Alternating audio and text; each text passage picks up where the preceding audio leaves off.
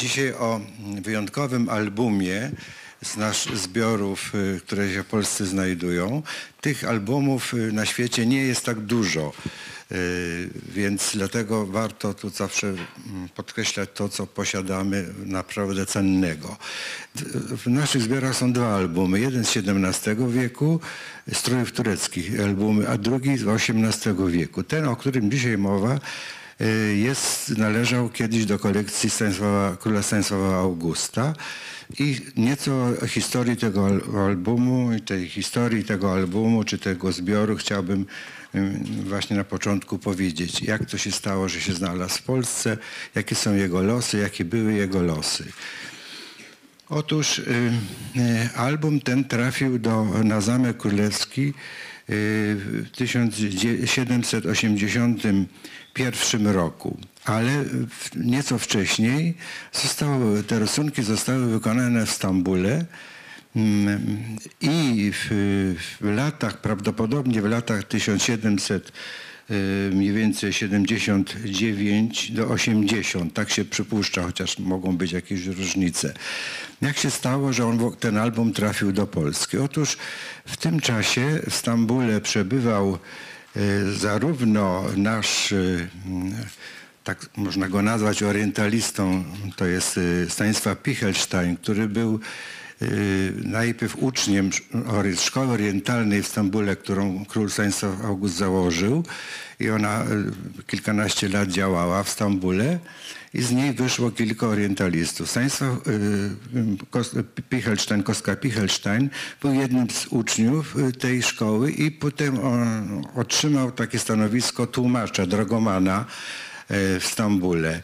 I wtedy, kiedy do Stambułu udała się taka dosyć e, ważna mm, lega, legacja, poselstwo polskie e, Karola Boskampa do Turcji. W tym czasie właśnie mm, przebywał Pichelstein w Stambule i sądzi się, że prawdopodobnie za jego e, pośrednictwem e, te rysunki zostały nabyte, prawdopodobnie z myślą ofiarowania ja królowi, jako taki zbiór.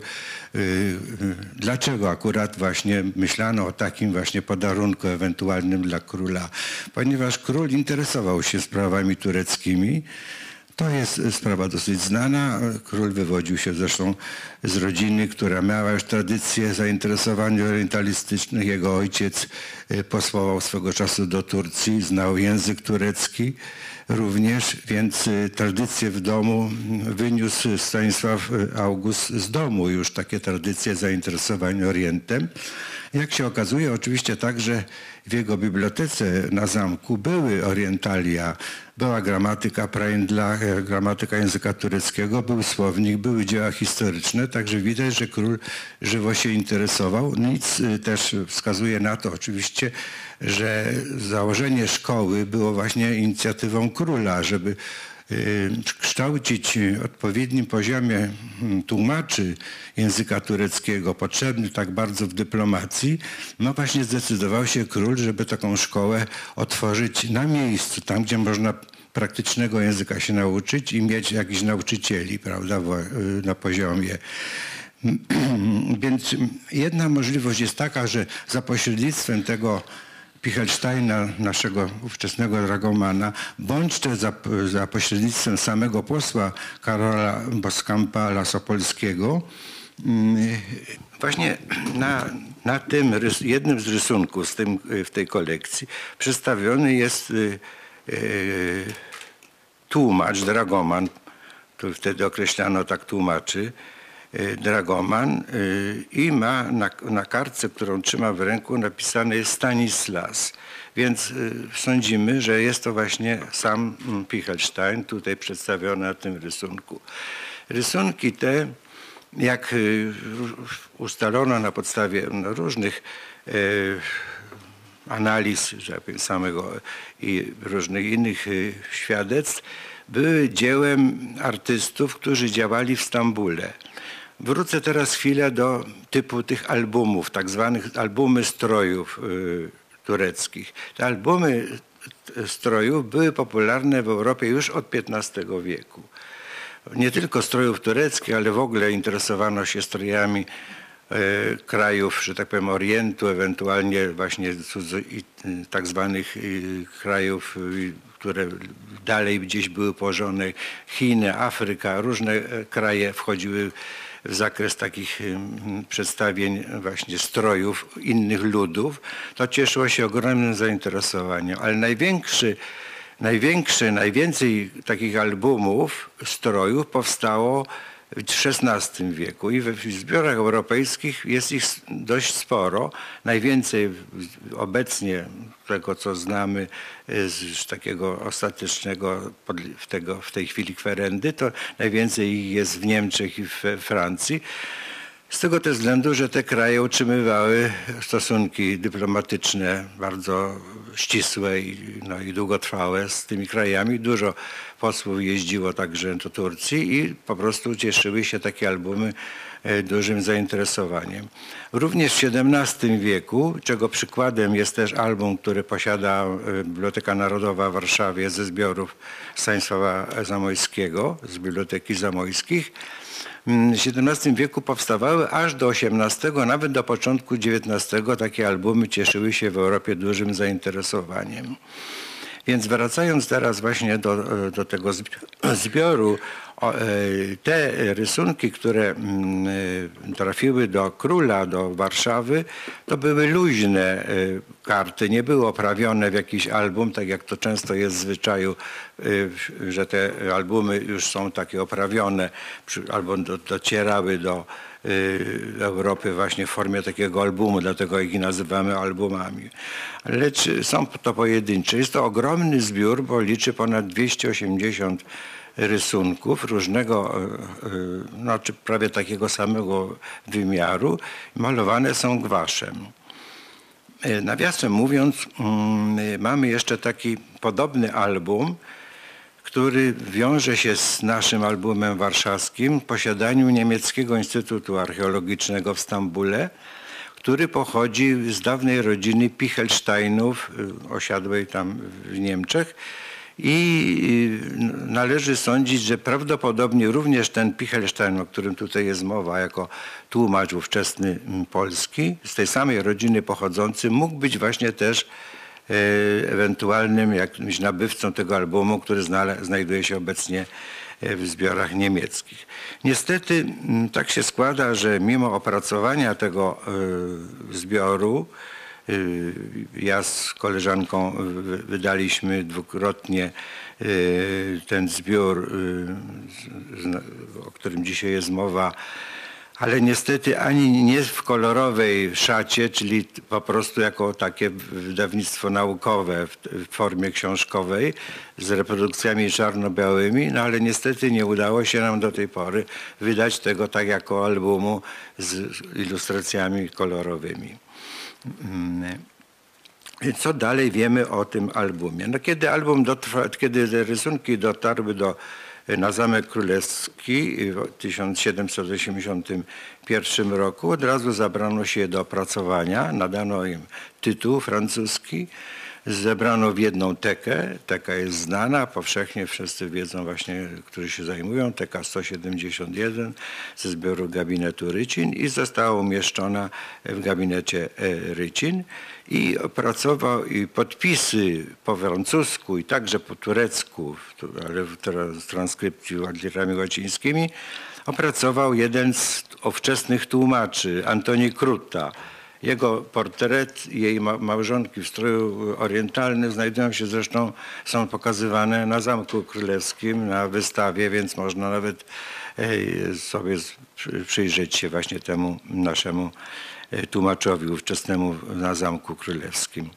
Mm, więc y, opracowano ten cały zbiór i on przez dłuższy czas przebywał się na zamku do śmierci króla. Po śmierci króla mm, y, a czy jeszcze powiem oczywiście, co zrobiono, kiedy opracowano.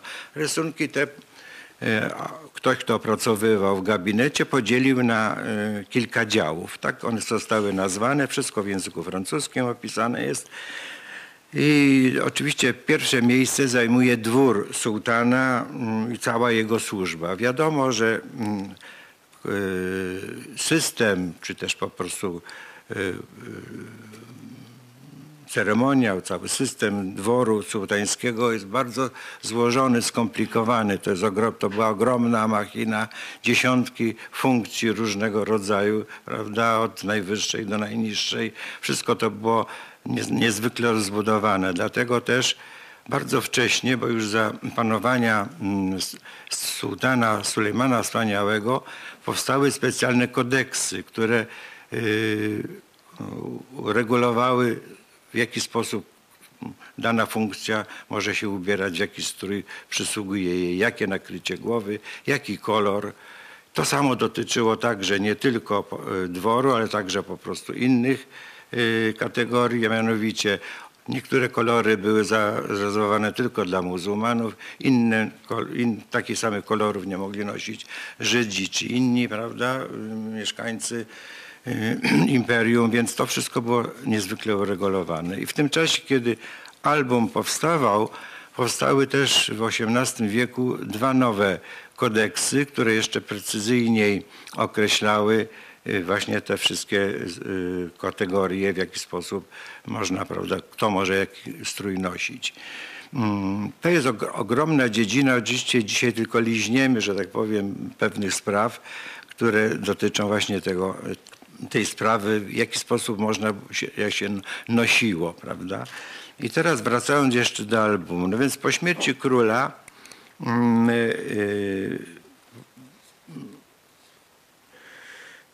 po śmierci króla, znaczy ten, przepraszam, jeszcze wrócę do kategorii, więc on zaczynając od dworu, tak autor sobie to podzielił, te, te wszystkie rysunki, dwór, potem duchowni, czyli wszystko, co związane jest z funkcjami związane z islamem, potem różne funkcje ważne, dygnitarze, prawda, wysokiej rangi urzędnicy, później sprawa cała wojska, więc janczarzy i wszystkie inne kategorie, jakie wtedy istniały. Następnie cała służba pomocnicza, wszyscy podrzędni urzędnicy i różne inne typy, prawda, które tutaj wchodzą w grę.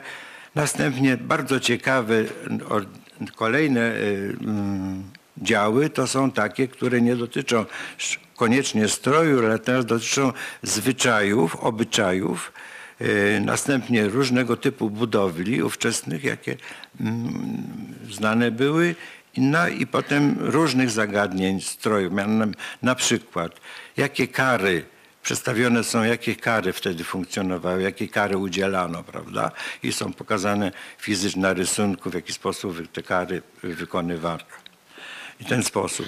Dlatego też ten cały zbiór jest doskonałym, można powiedzieć, źródłem informacji o życiu y, Turcji w XVIII wieku. Nie tylko stroju, ale także właśnie w jaki sposób nie mamy lepszych źródeł często niż właśnie taki obrazowy sposób, w jaki widzieli Europejczycy na miejscu przebywając, zresztą mm, wykonywane przez miejscowych artystów, więc one są dość wiarogodne. Można polegać na tym, jak te stroje wyglądają, wyglądały w tamtym czasie, więc tutaj nie ma jak gdyby czegoś zafałszowanego, tylko można w miarę możliwości dość dobrze polegać na tym, jaki ten strój w tym czasie wyglądał.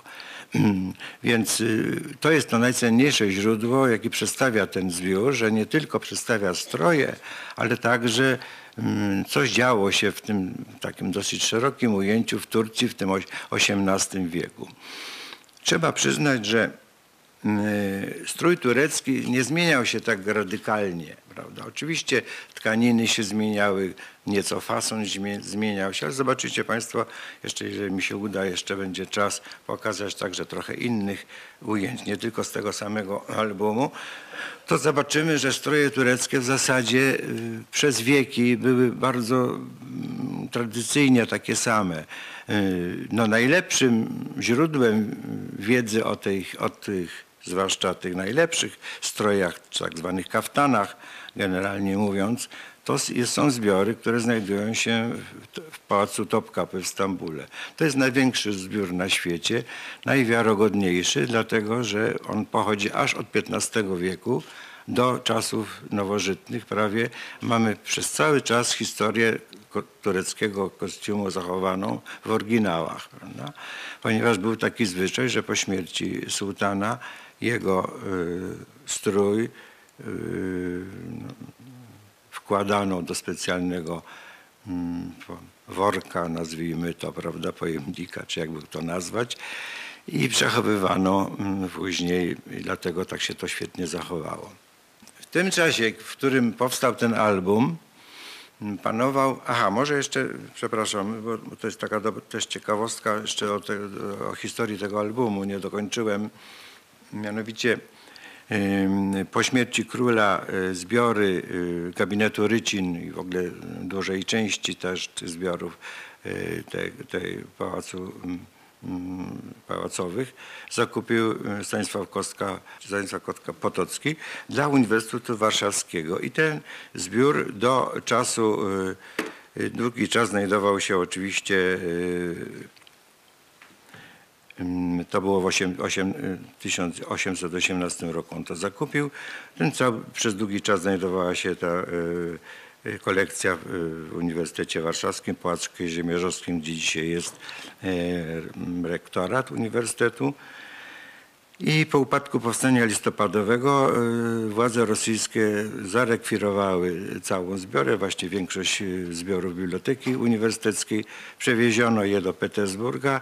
Znalazły one pomieszczenie, zwłaszcza zbiory gabinetu Rycin, znalazły pomieszczenie w Akademii Sztuk Pięknych w Petersburgu i y, przebywały tam aż do traktatu ryskiego. Tak jak Państwo wiecie, w czasie tego traktatu ryskiego duża część zbiorów wróciła do Polski na mocy tego traktatu i również ten zbiór właśnie e, gabinetu Rycin powrócił no i znalazł swoje miejsce w Bibliotece Uniwersyteckiej, tak zwanej starej bibliotece dzisiaj, nowa jest na, prawda, ta jest w innym budynku. I y, szczęśliwie przetrwał także los y, pierwsz- y, II wojny i powstania warszawskiego nie spłonął i za, zachował się, więc to jest duża wartość mm, tego. W czasie, kiedy te rysunki powstawały, w Turcji rządził ten sułtan właśnie, Abdülhamid I, no, znany właśnie z różnych dobrych poczynań, prawda, reform, reform i tak dalej. Jego panowanie jego e, uważa się za jedno z ważniejszych w okresie panowania ostatnich sułtanów. Mianowicie mm, y, y, no, właśnie taki też nastąpiła taka swego rodzaju moda, że wzorowano się na stroju dworu, który właśnie w tym czasie panował za Abdulhamida. I Teraz chciałbym pan, Państwu parę słów powiedzieć, nim pokażę mm, na przykładach e, te różne stroje.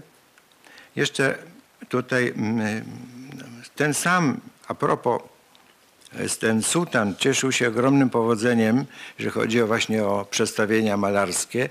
Yy, Niedługo po, po śmierci zresztą sułtana, francuski malarz, który przebywał w Stambule na dworze du Château, namalował ten pot, portret, jest portret olejny sułtana, ale yy, właśnie inny portret z kolei jest u nas na zbiorach polskich też w Łańcucie tego samego sułtana, więc to jest innego, kopia tego samego autora, ale późniejsza nieco. I teraz mm, chciałem Państwu powiedzieć, y, tak zaczynając od y, tego, y, o czym tutaj te stroje, znaczy dlaczego tak się tym zajmujemy, akurat tym albumem i tymi albumami, ponieważ one, te wszystkie albumy kostiumów dostarczają nam poza tym zachowanymi zabytkami, które są w zbiorach muzealnych no, w Stambule i gdzie indziej również, to mamy oczywiście ogromne bogactwo y, strojów, których, które nie istnieją. Możemy tylko je zobaczyć właśnie na przedstawieniach, m, tych miniaturach czy też rysunkach. Że nim przejdę do rysunków z tego zbioru królewskiego, chcę Państwu pokazać kilka, żebyście Państwo mieli odniesienie, jak wyglądają oryginały, które są w zbiorach Topkapy. To są przykłady kaftanów różnego typu, które znajdują się w zbiorach e, Pałacu Topkapy. Prawda? To są kaftany. I tutaj oczywiście tak ogólnie powiedzieć, to są kaftany, które mają albo krótkie, albo długie rękawy. To jest pierwsza cecha, prawda? Jedna. Y, są takie, które mają, y, są bardziej dopasowane, nieco bardziej rozszerzane od pasa, lub też takie, które mają wyloty, to znaczy tak zwane duplikaty rękawów. Poza normalnymi rękawami jeszcze mają drugie, tu jest inny typ kaftanu, prawda, taki obszerniejszy. On jest nieco innego typu, bo on w zasadzie już należy tak do kaftanów podbijanych cienkim futerkiem. Czy też takie, to są wszystko właśnie takie z krótkimi rękami, które można w ten sposób jak gdyby ład, ładniej pokazać jeszcze strój spodni, ponieważ e, no, strój składał się z dwóch, można powiedzieć, typów kaftanów strojów, to znaczy wierzchniego i spodniego. No i każdy w jakiś sposób można było Tutaj mamy przykład kaftana, e, który ma długie rękawy. Te kaftany były dosyć długie, nawet one były e, znacznie dłuższe niż ręka. One była taka, to była zasada ceremonialna, że one powinny zwisać, prawda, od ramienia. Proszę się tylko oczywiście patrząc na tutaj na te zdjęcia i rysunki, które będę pokazywał, nie sugerować się mm, specjalnie E, tymi strojami, które pokazuje serial Wspaniałe Stulecie, ponieważ jest tam oczywiście pewna dowolność w projektowaniu tych strojów, dopasowana do potrzeb prawda, serialu raczej, a nie odtworzenia oryginałów do, koń do końca. Więc mamy jeszcze inny typ właśnie z długimi rękawami, inny typ. Bardzo dużo tutaj jest z krótkimi rękawami zachowanych, dlatego że one dały, dawały właśnie możliwość pokazania tego drugiego stroju mm, spodniego. A tutaj nieco bardziej dopasowany y, y, w talii i też oczywiście trochę późniejszy, już właśnie tu już jest z XVIII wieku kaftan z takimi no, nie do końca bardzo długimi rękawami, więc jak widzimy tych typów jest bardzo dużo, y, także tutaj nawet nie sposób je wszystkie e, wymienić i na końcu jeszcze, jak wyglądało takie jedno, jedno z typowych futer, ale to jest, nie jest też do końca mm, pewne. Jeden, jakiś jeden typ. Jeżeli chodzi o stroje, e, znaczy stroje tureckie, prawda, to oczywiście tylko bardzo w ogólnym jak gdyby zarysie mogę powiedzieć Państwu, jak prawda, jakie stroje tutaj zobaczymy, nawet i na naszych rysunkach i czy jakie w ogóle noszono w Turcji, a szczególnie jeszcze w XVIII wieku. Więc taki najbardziej typowy, ten, który tutaj pokazywałem, mm, który nosił sułtan, ten strój, to oprzyty oczywiście, to jest też rodzaj y, kaftanu podbitego futrem. On się nazywał, miał swoją specjalną nazwę i w zasadzie przysługiwał tylko sułtanom. Im bardziej ozdobny, szamerowany na przodzie kaftan, im, im, bardziej ozdobne nakrycie głowy, to znaczy jeszcze ozdobione gretami i tak dalej, to przysługiwały tylko najwyższym mm, urzędom, czyli sułtanom lub y, kategorii wezyra na najwyższym szczeblu. Prawda? Więc y, tak, taki strój y, to było właściwie typ futro, byśmy powiedzieli, to kryte no, najczęściej jedwabiem albo właśnie drogimi mm, mm, materiałami i rękawy były zwykle długie, mogły być krótsze jak tutaj, ale tutaj widać bardzo dobrze te właśnie tak zwane wyloty, czyli te duplikaty ramion. One były tak od ramion tak spadały. Uważ, sądzi się zresztą, że wyloty w naszych strojach, prawda, kontuszowych, Y, właśnie są tego samego pochodzenia, prawda, tak zwany, bo to jest jakaś rzecz taka bardzo ceremonialna, to znaczy dla, dla większej ozdoby. One przecież do niczego nie służą, one spadają po prostu sobie luźno z tyłu i nie służą, nie są konkretnego e, użytku, tylko po prostu są dodatkową taką ozdobą właśnie, więc Drugi, drugi typ y, takiego futra y, eleganckiego, można powiedzieć ceremonialnego, takie wierzchnie futro, było też przeznaczone y, dla dostojników. Było oczywiście kryte długie futro, kryte suknem, brokatami, brokatem. Też miało, mogło mieć właśnie duplikaty, tak jak ten, prawda, czasami bardziej duży kołnierz, tak jak w tym przypadku. Natomiast jeżeli chodzi o stroje, no, będziemy powoli przechodzili do, jeszcze tylko wrócę do, żeby tu pokazać, mm, bo tu zacząłem, to są nie z tego albumu, przykłady, z, oczywiście ponieważ y, istnieją, istnieje dużo tureckich miniatur, które przedstawia stroje, przede wszystkim sułtanów, całe są zbiory, które przedstawiają wszystkich sułtanów w strojach właśnie ceremonialnych z nakryciami głowy, więc wiemy w jaki sposób y, no, noszono prawda, te, te stroje, jak, one mniej więcej wyglądały. To jest jeden z typ, popularnych typów, o którym za chwilę powiem, y, nakrycia głowy. I też ten drugi typ y, bardzo popularny y, to jest, to są takie nakrycia, było takich kilka, prawda, które mm, y, były dość popularne. Ich jest cała masa, prawda? Nie sposób tutaj nawet wymienić tych najważniejszych, prawda? Ponieważ to są dosyć skomplikowane często konstrukcje.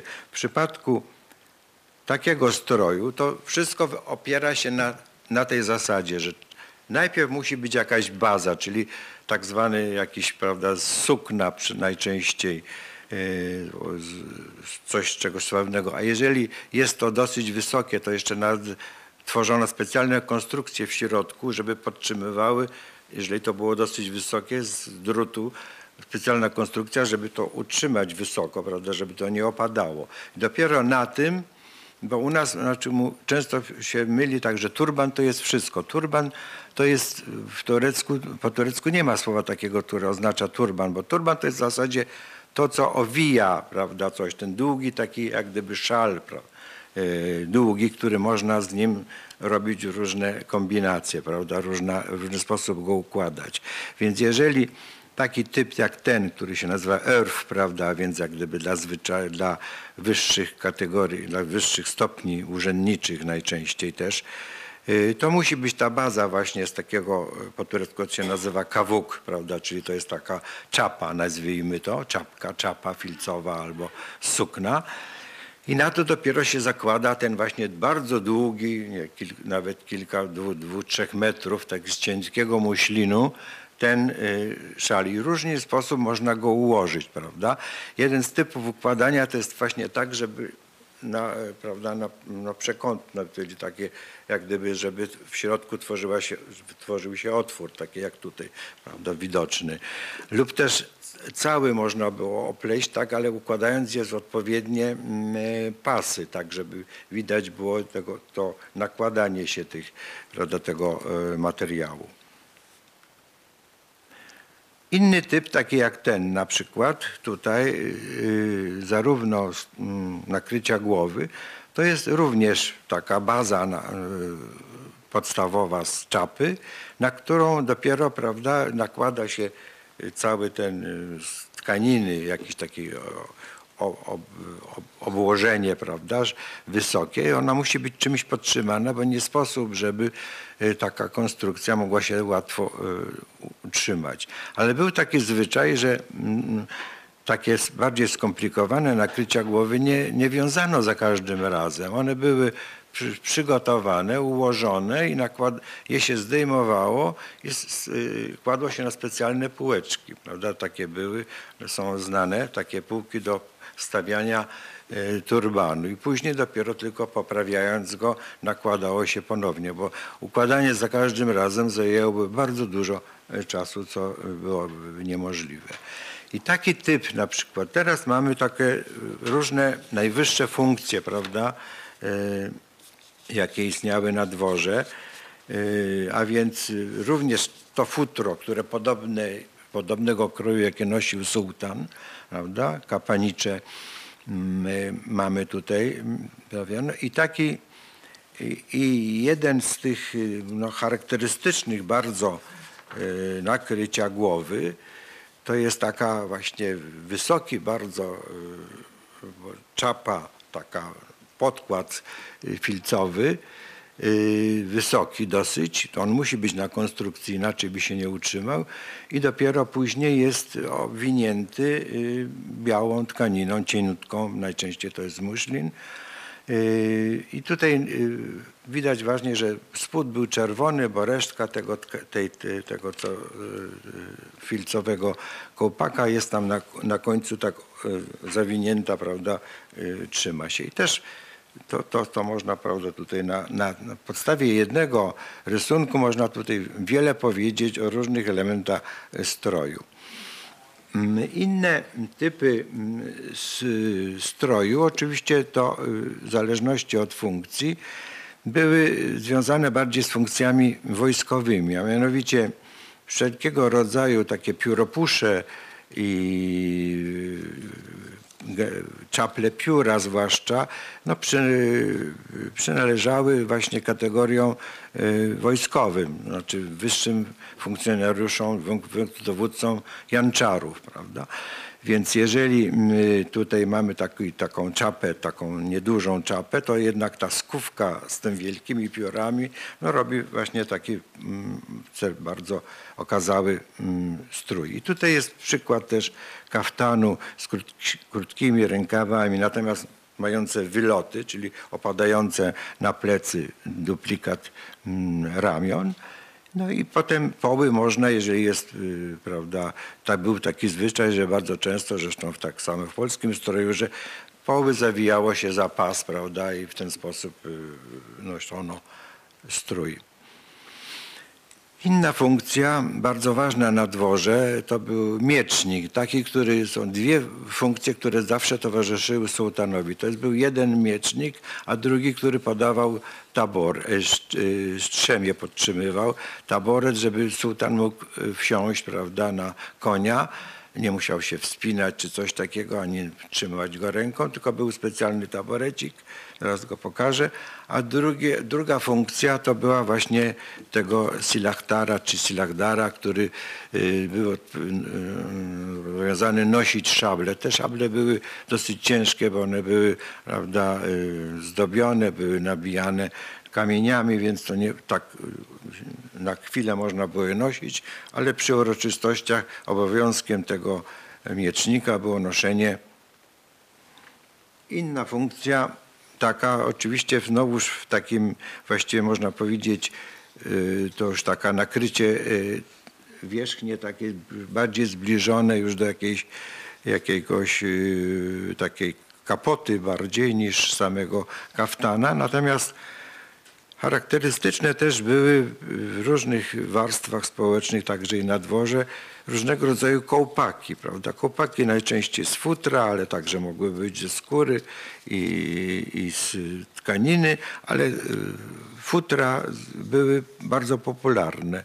I mm, między innymi takie, takie typ futra.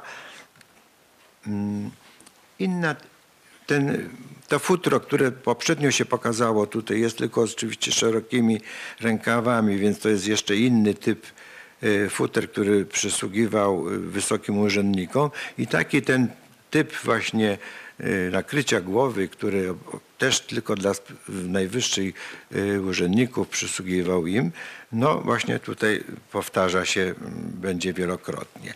Natomiast ten typ nakrycia głowy, który się szczególnie w XVIII wieku utrwalił dosyć długo trwał, nazywany był kiatibi, czyli jak gdyby taki dla sekretarzy. Kiatib to jest po turecku sekretarz, a kiatibi to jest jak gdyby sekretarski, więc to jest takie, takie e, nakrycie, które nosiło no, większość urzędników takiej nieco niższej kategorii, a więc skrybowie, pisarze, tam prawda, skrybowie, urzędnicy y, różnych resortów i tak dalej. I to się bardzo rozpowszechniło. To jest bardzo prosty, y, a więc podstawą jest kołpak, y, kołpak, taki właśnie czapa, dosyć usztywniona, na którą się na, na niższej partii zawija obwijają właśnie tkaniną, prawda, dolną część. Dosyć proste w wykonaniu, ale y, niezwykle popularna była dla wielu właśnie. Także i, i poza dworem noszono y, ten typ nakrycia głowy. Jest to jeden z służących, y, y, tak taki służący na dworze sułtana, najczęściej wywodzący się z, z czarnych eunuchów, mm,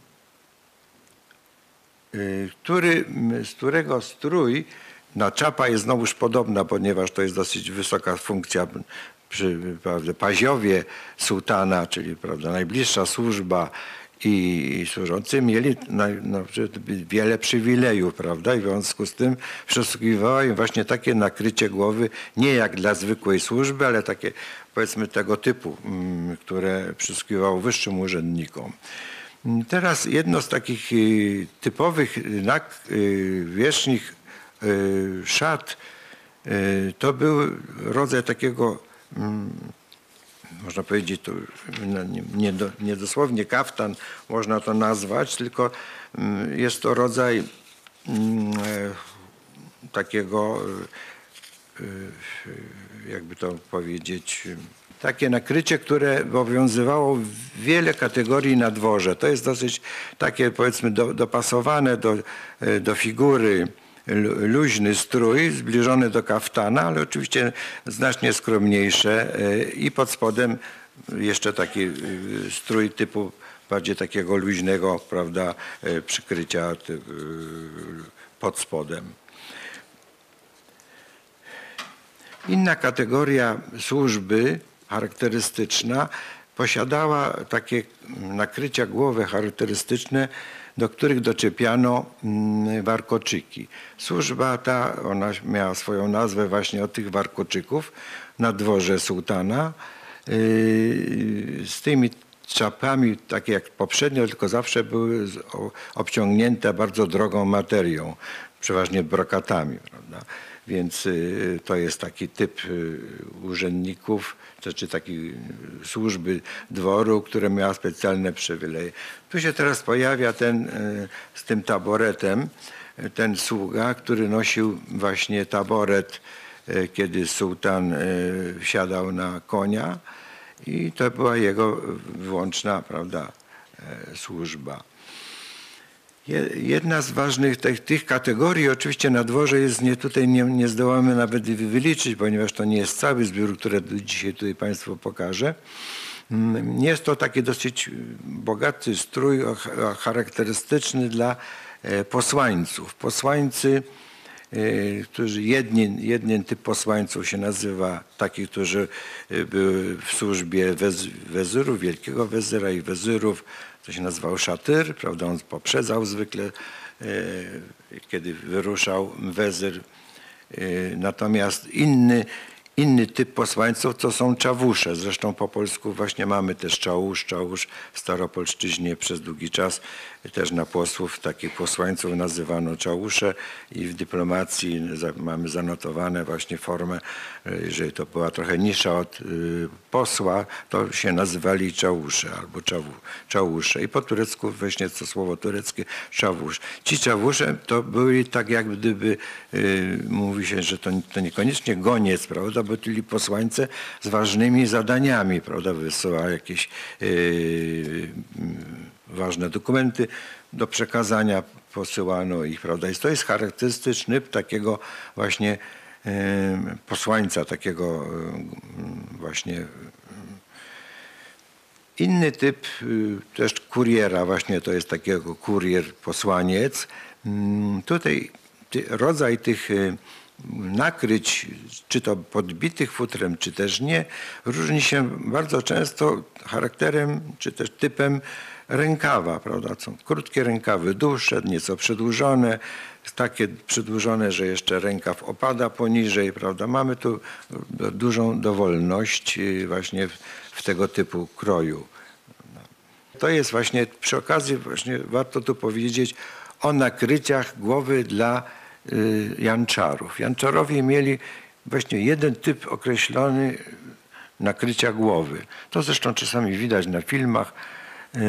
A Więc jest to specjalny typ takiej czapy, dosyć, można powiedzieć, tak y, zwykle, żeby tak to nie komplikować. To jest tak jak gdyby długi rękaw szeroki, z przeważnie y, z, właśnie z sukna albo, prawda, z białego sukna, kecze, turecku, prawda, y, który do pewnej wysokości podnosi się tak, żeby się utrzymał na, na prętach, bo inaczej by opadałby, i, a a dalsza część spada długim takim rękawem, widać to nawet, prawda, aż na plecy. Prawda? To na, nawet na tych filmach, które oglądamy czasami, tam pokazują te filmy, to te, te nakrycia głowy mniej więcej są dosyć dobrze odtworzone. A niższa część tutaj jest taka jak gdyby zrobiona z tego taka głó- główka dopasowana, tutaj nie, do końca wyraźnie jest pokazana.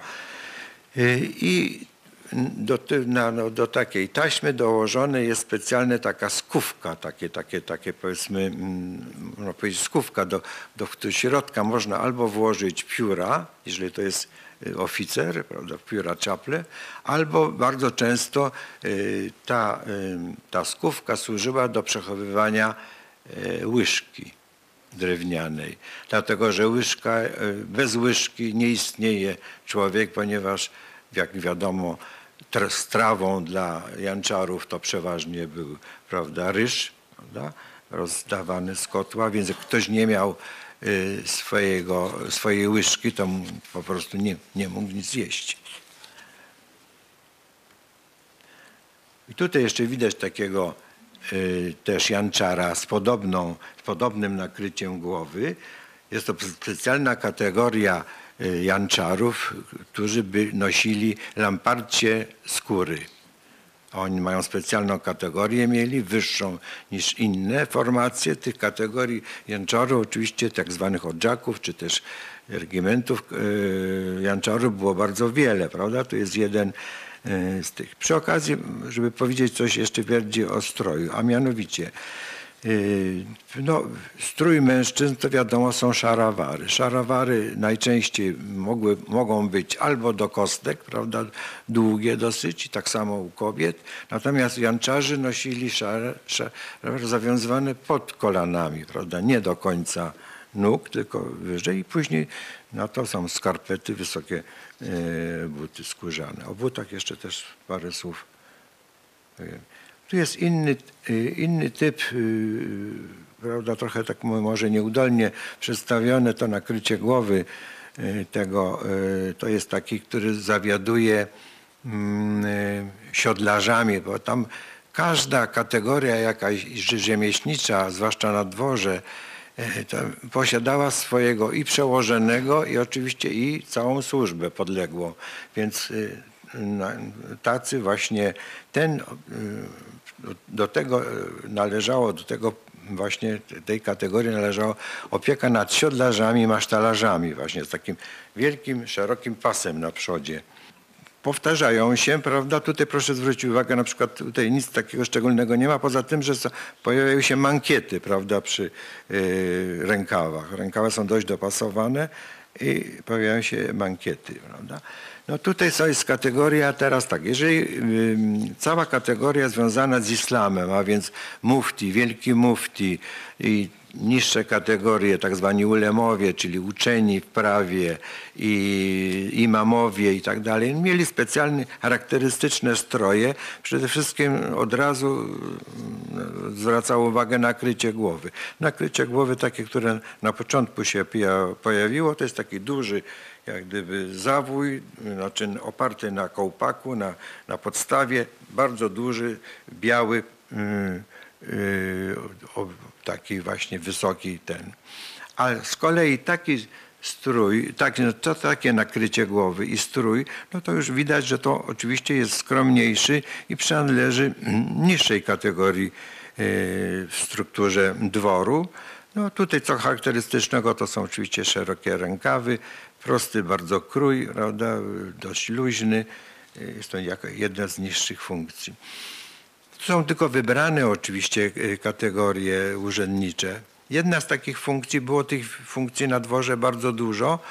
mianowicie mm, taki, który roznosił na dworze e, helwadży, czyli taki właściwie cukiernik, ale mm, szczególnie e, hałwę roznosił. Oczywiście hałwa turecka w dawnych czasach trochę inaczej wyglądała niż współczesna, prawda? Tak, for jej konsystencja.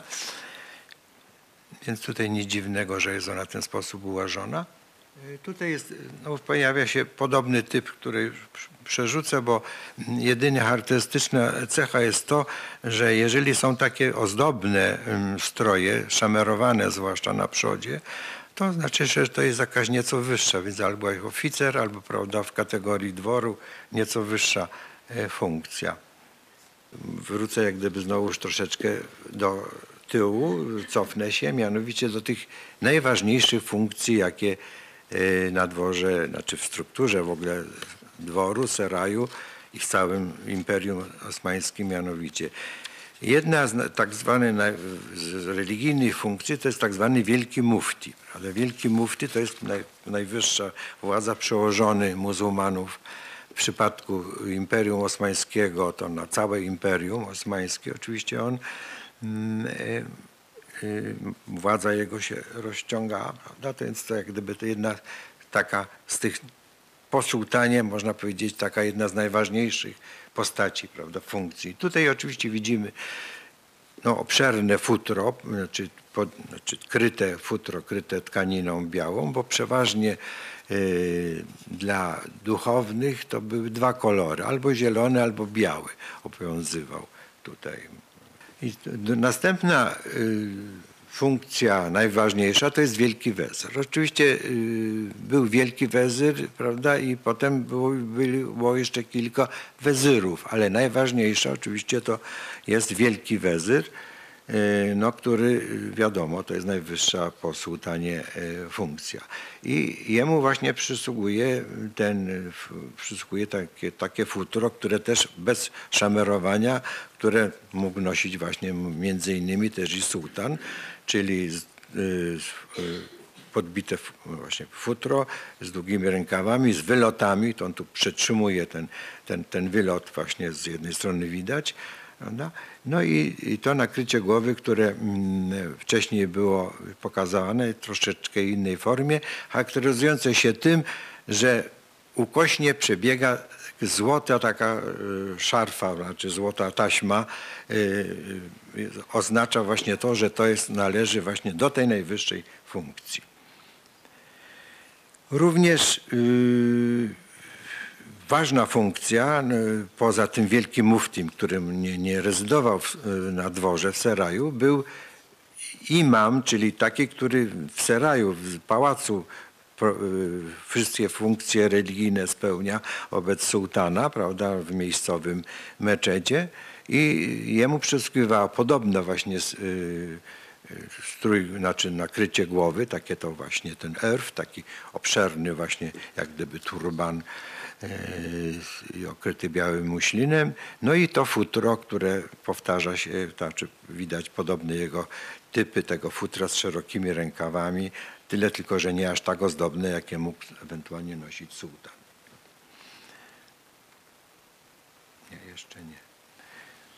Teraz tutaj wielkie oczywiście ważne funkcje na dworze, to poza tymi, o których tutaj wymieniłem, to były dwie. No i często właśnie na przykład na tych, bardzo często to widać na s- nieszczęsnym serialu e, nasze te wspaniałe stu, stulecie, to e, jest przełożony, czyli głównodowodo, główny przełożony czarnych eunuchów i przełożony białych eunuchów. Te, y, ci mm, naczelnicy tych e, eunuchów mieli ogromny wpływ na, mm, na rządy często, na, prawda, na, na sprawy polityczne i od nich wiele zależało.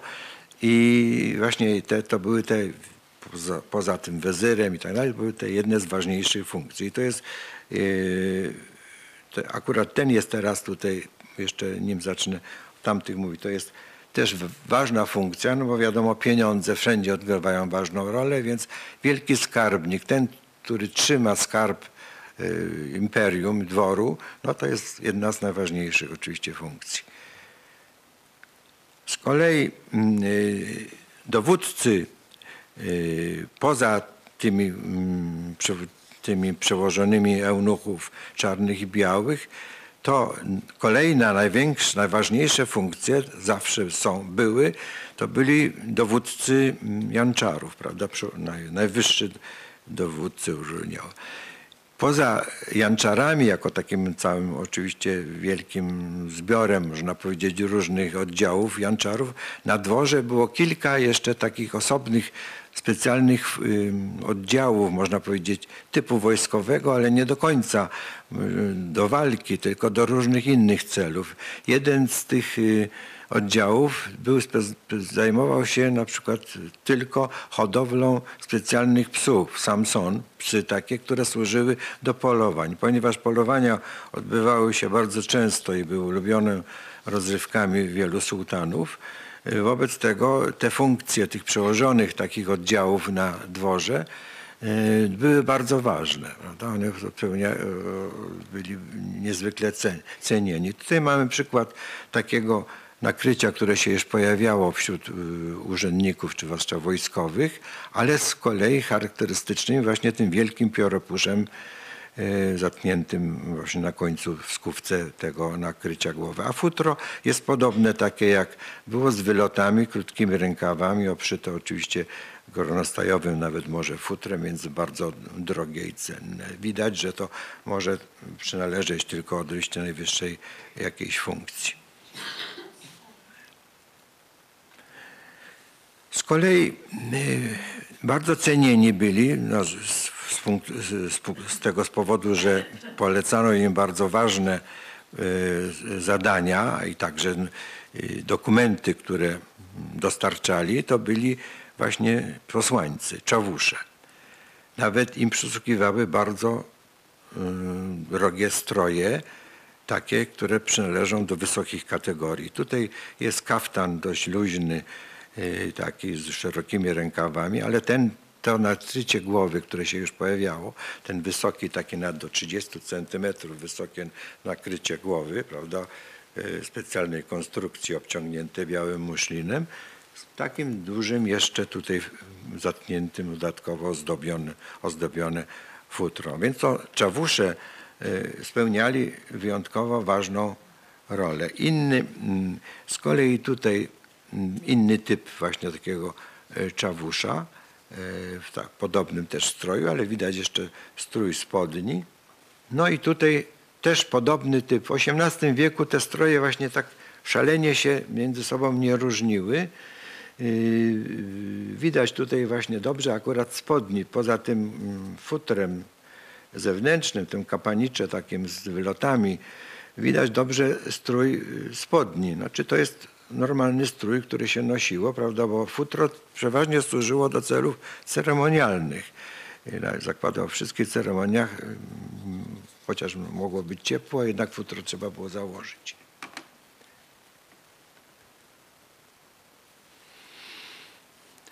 No i tutaj znowuż jest funkcja mm, dowódcy, też jednego z dowódców y, y, dworskich. Podobny typ, jak widać, podobny. Trochę się różnią kolory tylko, ale futro jest o to podobnym kroju z wylotami, krótkimi rękawami, sp- spodni, mm, strój podobny. Co z pasami? Jeżeli chodzi, bo tu akurat widać pas, więc przy okazji powiem pasy.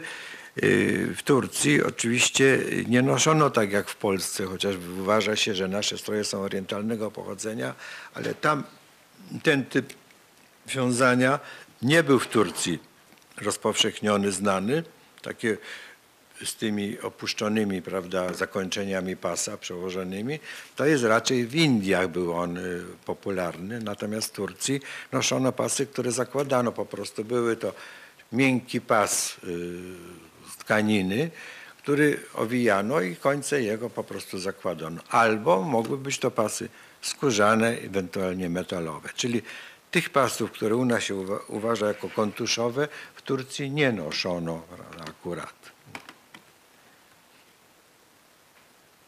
Jeszcze jeden, jeden typ właśnie bardzo zbliżony, ale oczywiście z kolei też bardzo ozdobny, yy, do, no, po prostu na, jak gdyby do, kategorii właśnie tych najwyższych funkcjonariuszy yy, dowódcy Janczarów w stroje ceremonialnym z tym wspaniałym futrem z wylotami prawda? i no i tą czapą, yy, tą kuka tak zwana czapa się nazywała, taka właśnie spiczasty trochę taki rożek i z yy, pióropuszem.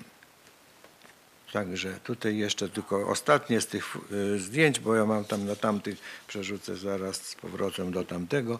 Tutaj akurat, ponieważ to jest ostatnie scen, żeby już nie powtarzać, pokazywać się, wyprzedzę trochę, co, co powinno być nieco później, mianowicie stroje kobiet. Stroje kobiet Tutaj są przedstawione Turczynki z Stambułu, ale te Turczynki noszą takie stroje, jak nosiły y, Greczynki, przepraszam, jak nosiły Turczynki, ponieważ był taki po prostu zwyczaj, że no w Stambule nosiło zarówno Lewantynki, to znaczy europejskiego pochodzenia mieszkańcy Stambułu, jak i Greczynki nosiły bardzo podobne stroje takie które y, no, to są wycięte właśnie z dużym dekoltem dopasowana suknia charakterystyczna, ale natomiast bardzo jest y, ważny, ciekawy jest ten y, nakrycie głowy. To się nazywają te, te, te nakrycie się nazywają hotos. One są wysoko upięte takie, prawda, nawet na specjalnej konstrukcji, owinięte cienką, delikatną, drogą tkaniną no i ozdobione. Tam różne mogą być egrety, perły, prawda, co. A włosy są gdzieś tam upięte, podniesione i upięte e, wyżej, przysłaniają. Więc to jest bardzo, cieka- bardzo ładny strój, bardzo popularny w XVIII wieku. Prawdopodobnie trochę pod wpływem europejskim już powstały, ale no właśnie bardzo charakterystyczny i wdzięczny. Wielu artystów europejskich malowało właśnie te stroje kobiece, między innymi nasz, e, który nieco później pojechał, nie, niedługo po tym właśnie, który powstał ten zbiór, e, Kamzecer, pojechał do Turcji. Też podobne kobiety w tak kobietnych strojach podobne też malował. Ten album, ten, czy ten album, bo można go tak nazwać, że to w zasadzie jest teka rysunków, jak już mówiłem, y, no, oznacza się tym, że mm, poza pokazaniem strojów czy urzędów dworskich, wojska i tak y, również pokazuje mm, właśnie wszystkie te mm, narodowości, które zamieszkiwały ówczesną Turcję, a mianowicie e, Greków, Ormian, Żydów, y, Albańczyków, no cała, prawda, z wielkiego imperium w postaci. A więc to jest pod tym względem właśnie jest też on jest ciekawy. A więc y, tutaj mamy, Albań, tutaj mamy y, Albańczyka, tam mieliśmy y, Greka. Też ma taki trochę orientalny ten strój już, prawda? Właściwie nie, nie bardzo się odróżnia. Natomiast nie, przepraszam, tam to było odwrotnie. To jest Grek. Nie, Albany, to dobrze. To jest ten Albańczyk, więc ten ma charakter narodowy swój strój, rzeczywiście mniej więcej oddaje mm, w tym czasie, jak w Albanii noszono strój.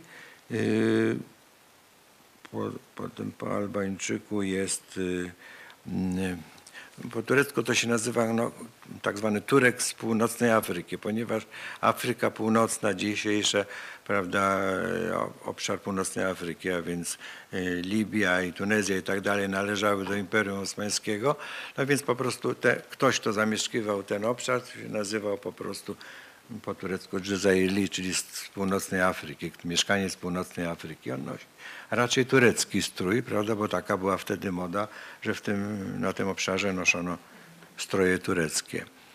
E, ten z kolei e, pan jest z Dubrownika. Dubrownik też pod, był właściwie w orbicie przez długi czas w każdym razie pod panowaniem tureckim. Raguza, prawda, inaczej Dubrownik. No on ma taki, poza y, nakryciem głowy, to ma oczywiście strój turecki, prawda, całość jest turecka. Z kolei jest, cała grupa bardzo rozbudowana też w tym y, zbiorze. To są y, kategorie różnych duchownych, nazwijmy to, należące do sfery religijnej, a mianowicie na całym Bliskim Wschodzie, w Turcji było, jest wiele bractw religijnych, prawda?